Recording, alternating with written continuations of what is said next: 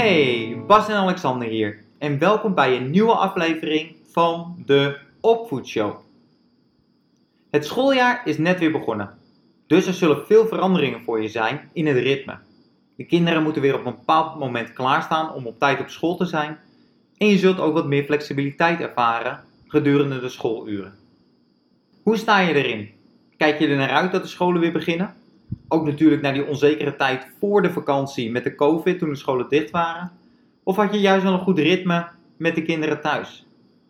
In de aflevering van vandaag wil ik dieper ingaan op de eerste weken na de zomervakantie, die ze op sommige scholen de Gouden Weken noemen. Ik wil dieper ingaan op wat die Gouden Weken precies inhouden en hoe je dit in de thuissituatie kunt gebruiken.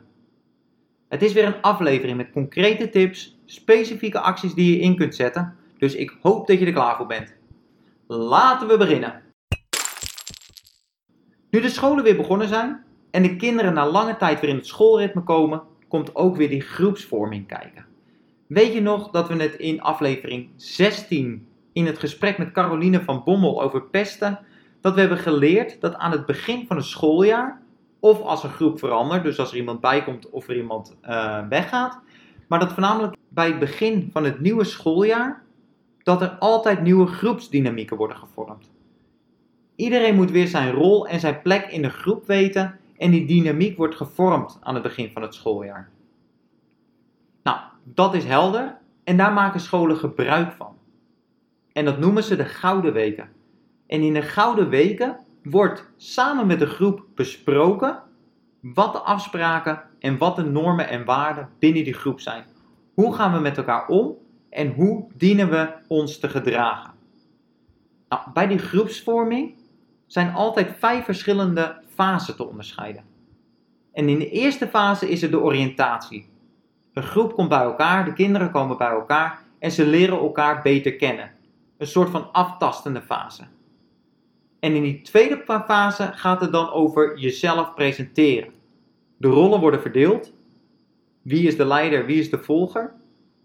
Om vervolgens in de derde fase dan te kijken van wat zijn de regels, wat zijn de gedragsregels waar wij ons binnen de groep aan houden.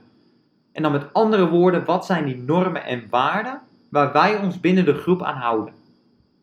In die derde fase worden ze dus bepaald en in de vierde fase worden ze eigenlijk uitgevoerd en worden gecorrigeerd als iemand zich niet aan de afspraken houdt en worden ze nog gefine-tuned en gevormd. Nou, dan heb je die laatste fase en dat gaat over evalueren. Hoe is het de afgelopen periode gegaan? Wat is er allemaal goed gegaan? Wat was positief? En waar lagen de problemen? En je hebt natuurlijk een eindevaluatie, maar er is ook altijd weer een tussenevaluatie. Denk bijvoorbeeld aan de kerstvakantie, waarin je gaat kijken van nou, hoe is de afgelopen periode gegaan? Wat ging goed? Wat willen we versterken? En waar zijn, liggen de uitdagingen? En hoe kunnen we die veranderen? En hoe kunnen we dat met gedragsregels en normen en waarden weer aanpassen? Deze fase kun je bij groepsvorming altijd onderscheiden. En wat je ziet is dat ze organisch gaan en dat dat automatisch verloopt, zonder dat hierbij nagedacht wordt. Maar zoals gezegd, en zoals ik al vaker zeg bij het kennen en vormen van je waarden, is het zo belangrijk dat je er bewust voor kiest.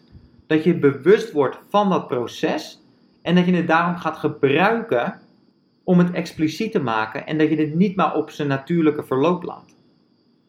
Want ook in de aflevering van vorige week bijvoorbeeld over je waarden hebben we gezien welke problemen en stressoren je aan je waarden kunt koppelen. Nou, en dat was op individueel niveau en dit gaat eigenlijk op groepsniveau. En daar is het niet anders. Als je dit automatisch laat gebeuren, kunnen er allerlei problemen en stressoren ontstaan omdat je uitgaat van een actie-reactie. In plaats van dat iedereen zijn verantwoordelijkheid neemt voor zijn of haar acties. Het is daarom zo belangrijk om die begeleiding te bieden bij kinderen op het moment dat die groepsvorming plaatsvindt. En daarom zijn ook die gouden weken in het leven geroepen. Wat zijn de afspraken die je met de groep maakt en hoe je je gedraagt? Wat zijn de basiswaarden voor de omgang met elkaar? Door hier met elkaar over te praten, zullen alle deelnemers gemotiveerd zijn om zich aan de afspraken te houden. En daarbij is de kans dan ook veel groter dat iedereen elkaar en zichzelf verantwoordelijk houdt voor die gemaakte afspraken.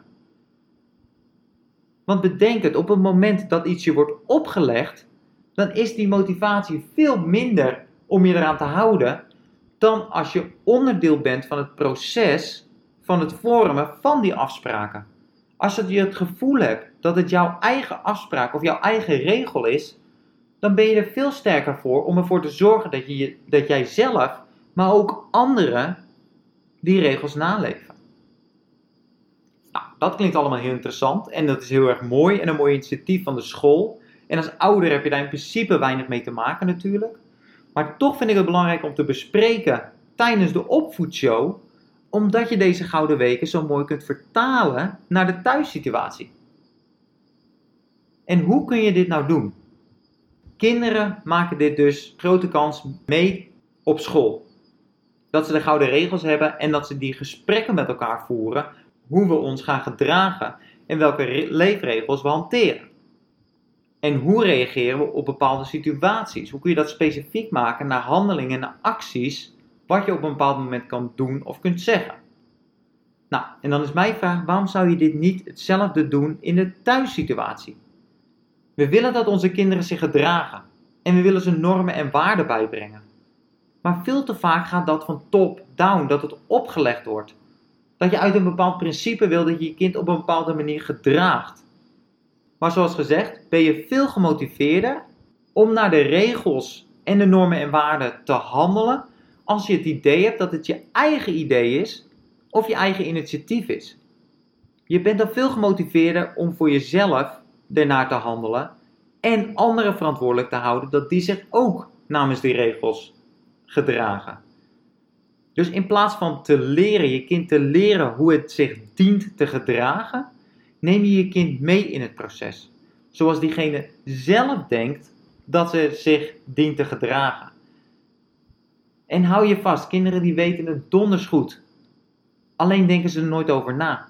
Ze maken de vertaalslag niet naar het specifiek maken, naar het idee dat het hun eigen idee is, om die motivatie te hebben om zich er veel meer aan te houden. En dit kun je dus op een algemeen beeld houden, met je waarde van wat vinden we waardevol. Maar zo kun je dus ook kijken naar hele specifieke situaties. Als er wat gebeurt, hoe zouden we dan willen dat we reageren? En dat geldt voor jou als ouder en dat geldt voor de kinderen. Of bijvoorbeeld, hoe zouden kinderen mee moeten helpen bij het huishouden? Wat zijn de taken van de ouders en wat zijn de taken van de kinderen? En ook welke beloning kan hier tegenover staan? Wat zou er nou gebeuren als je samen met je gezin tot goede en duidelijke afspraken komt? En dat je niet meer die top-down van je moet nou eenmaal luisteren, zo hoort het nu eenmaal, maar dat je ze veel meer zelf laat meedenken. Wat zou nou de juiste actie of reactie zijn in bepaalde situaties. En daarmee leer je ze na te denken over hun gedrag en over de consequenties van hun gedrag. En dit levert winst op op de korte termijn, omdat je een veel gezelligere sfeer krijgt in de thuissituatie. Maar wat denk je dat het doet met de ontwikkeling van je kind als die deze vaardigheid leert om zelf na te denken over welk gedrag wil ik laten zien en welke consequenties hebben mijn gedrag? Op sommige scholen wordt dit dus gedaan in de klas en wordt dit besproken en denken kinderen erover na. En daarom is het nou juist zo belangrijk om dat nu met je kind te bespreken. Want ze zijn bewijs van spreken al warm gedraaid en kunnen dat heel gemakkelijk vertalen naar de thuissituatie. Het gaat echt over die waarden, zoals we dat vorige week over dat individuele niveau hadden. Wat zijn je waarden? Wie ben je? En waar sta je voor? Gaan we het deze week dus eigenlijk hebben over het groepsverband. Waar staan wij voor als gezin? Wie zijn wij? En wat vinden we belangrijk? En daarbij kan je dus het aan de ene kant helemaal bij je kind laten. En als uitgangspunt van die weet wel wat goed en wat niet goed is. En daarnaast kan je zelfs ook nog wat bijsturen door bepaalde vragen te stellen. Nou, en op deze manier kun je dus je kind motiveren om bij te dragen aan die gezellige en fijne sfeer in de thuissituatie. En daar gaan we het dan ook over hebben in de challenge. Ga nou eens met je gezin op tafel zitten en bespreek met elkaar wat de leefregels zijn in jullie huishouden. Waar staan jullie voor als gezin? Wat vinden jullie belangrijk? En welke regels maken jullie gezamenlijk om je aan te houden? Voorbeelden van vragen die je tijdens zo'n gesprek met elkaar kunt bespreken. Je spreekt dus af, je gaat met elkaar om tafel zitten en je gaat dus samen kijken naar die leefregels en de normen en waarden. Nou, welke vragen kun je jezelf dan stellen? De eerste. Welke specifieke afspraken gelden bij ons in huis? Voorbeelden daarvan zijn elkaar aanspreken alleen als je in dezelfde ruimte bent. Dus niet meer door het huis heen roepen, maar alleen praten als je elkaar kunt zien. Een andere is je stem niet verheffen of elkaar geen pijn doen. Nou, dit kun je in een, in een brainstorm sessie doen met allemaal van dat soort regels waarin je kinderen en jullie zelf denken wat goede afspraken zouden zijn in het huishouden. De tweede is, hoe kun je reageren als iemand iets leuks doet? Met andere woorden, hoe zou je een compliment kunnen maken? Hoe ziet zo'n compliment maken eruit? En hoe kun je reageren op een compliment? Het klinkt als iets heel erg simpels waar je niet over na hoeft te denken. Maar er zijn zoveel mensen die geen compliment kunnen geven. En er zijn nog veel meer mensen die geen compliment kunnen ontvangen. Ga er eens over brainstormen. Ga er eens over nadenken. En daarnaast ook van hoe kun je reageren als iemand iets niet leuks doet. En op welke manier kun je dan feedback geven? Hoe kun je dat doen zonder elkaars gevoelens pijn te doen? En daarnaast van die, die commentaar, die feedback en complimenten ratio, hoe zou je willen dat die is? Zou je meer willen dat we vaker focussen op de feedback en op het commentaar? Of zouden we juist willen dat die complimenten veel groter zouden zijn? Dat er veel vaker complimenten worden gegeven? Hoe zou je nou meer op die complimenten kunnen focussen? Hoe fijn is het om een compliment te geven en om te krijgen? Stel die vraag ook aan je kinderen. En hoe kun je die dan geven en wanneer kun je die geven? En zoals ik ook al eerder zei, je kunt ook tijdens het gesprek heel mooi over het huishouden hebben. Wat zijn nou de taken voor de ouders en wat zijn de taken voor de kinderen? En daarin kun je ook al direct over een beloningssysteem hebben. Als mensen zich aan de afspraken houden, wat zou dan een mooie beloning kunnen zijn?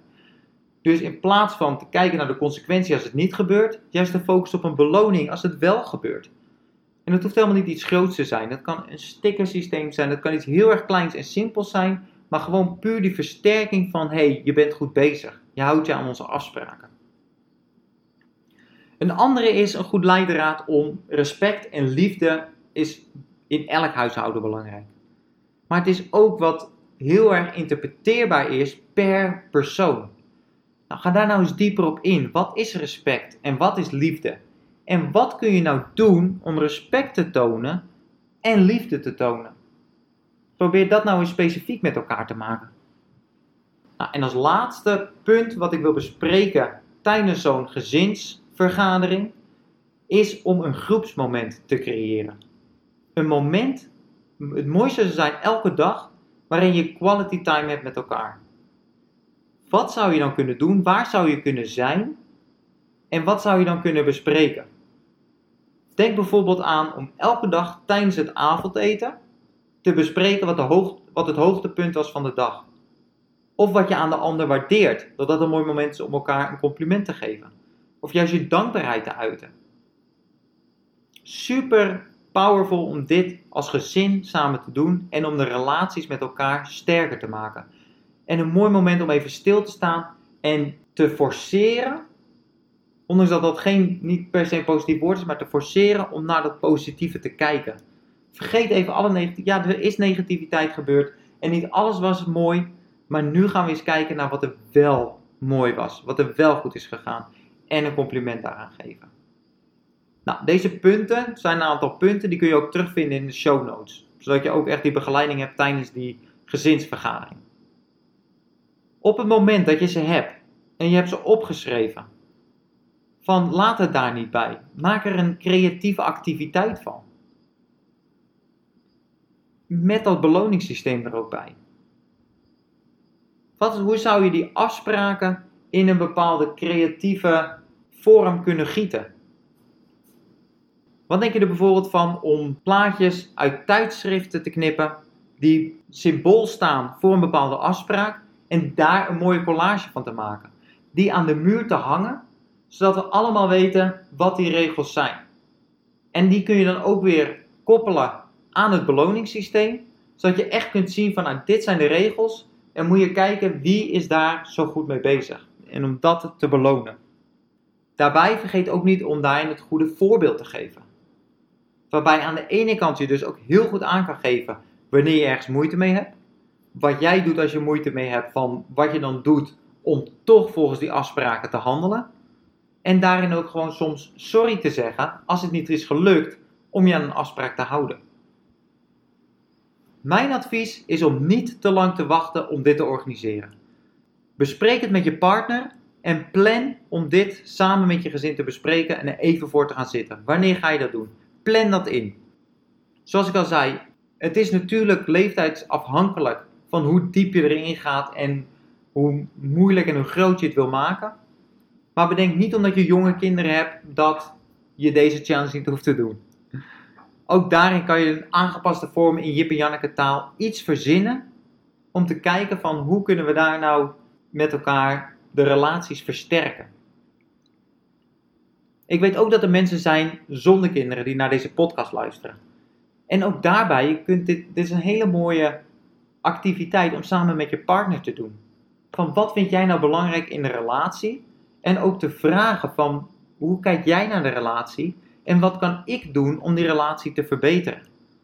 In discussies, hoe kunnen we met elkaar omgaan? Hoe kunnen we elkaar helpen om emoties te controleren, om ruzies niet te laten escaleren? Van wat vind jij prettig om op welk moment erkend te worden of juist je gevoelens te laten zien? Bespreek dat. Kom samen tot afspraken om het gemakkelijk in de praktijk te brengen. Ik beloof je dat het je relatie gigantisch zal versterken. Nou, net als bij elke challenge, bij elke week, hoop ik dat je nu niet de podcast uitzet, vergeet en weer doorgaat met je leven, maar dat je echt overgaat in actie. Dit was de aflevering van vandaag. Heel veel succes deze week. Go get them, je kunt het. Tot volgende week. Ciao.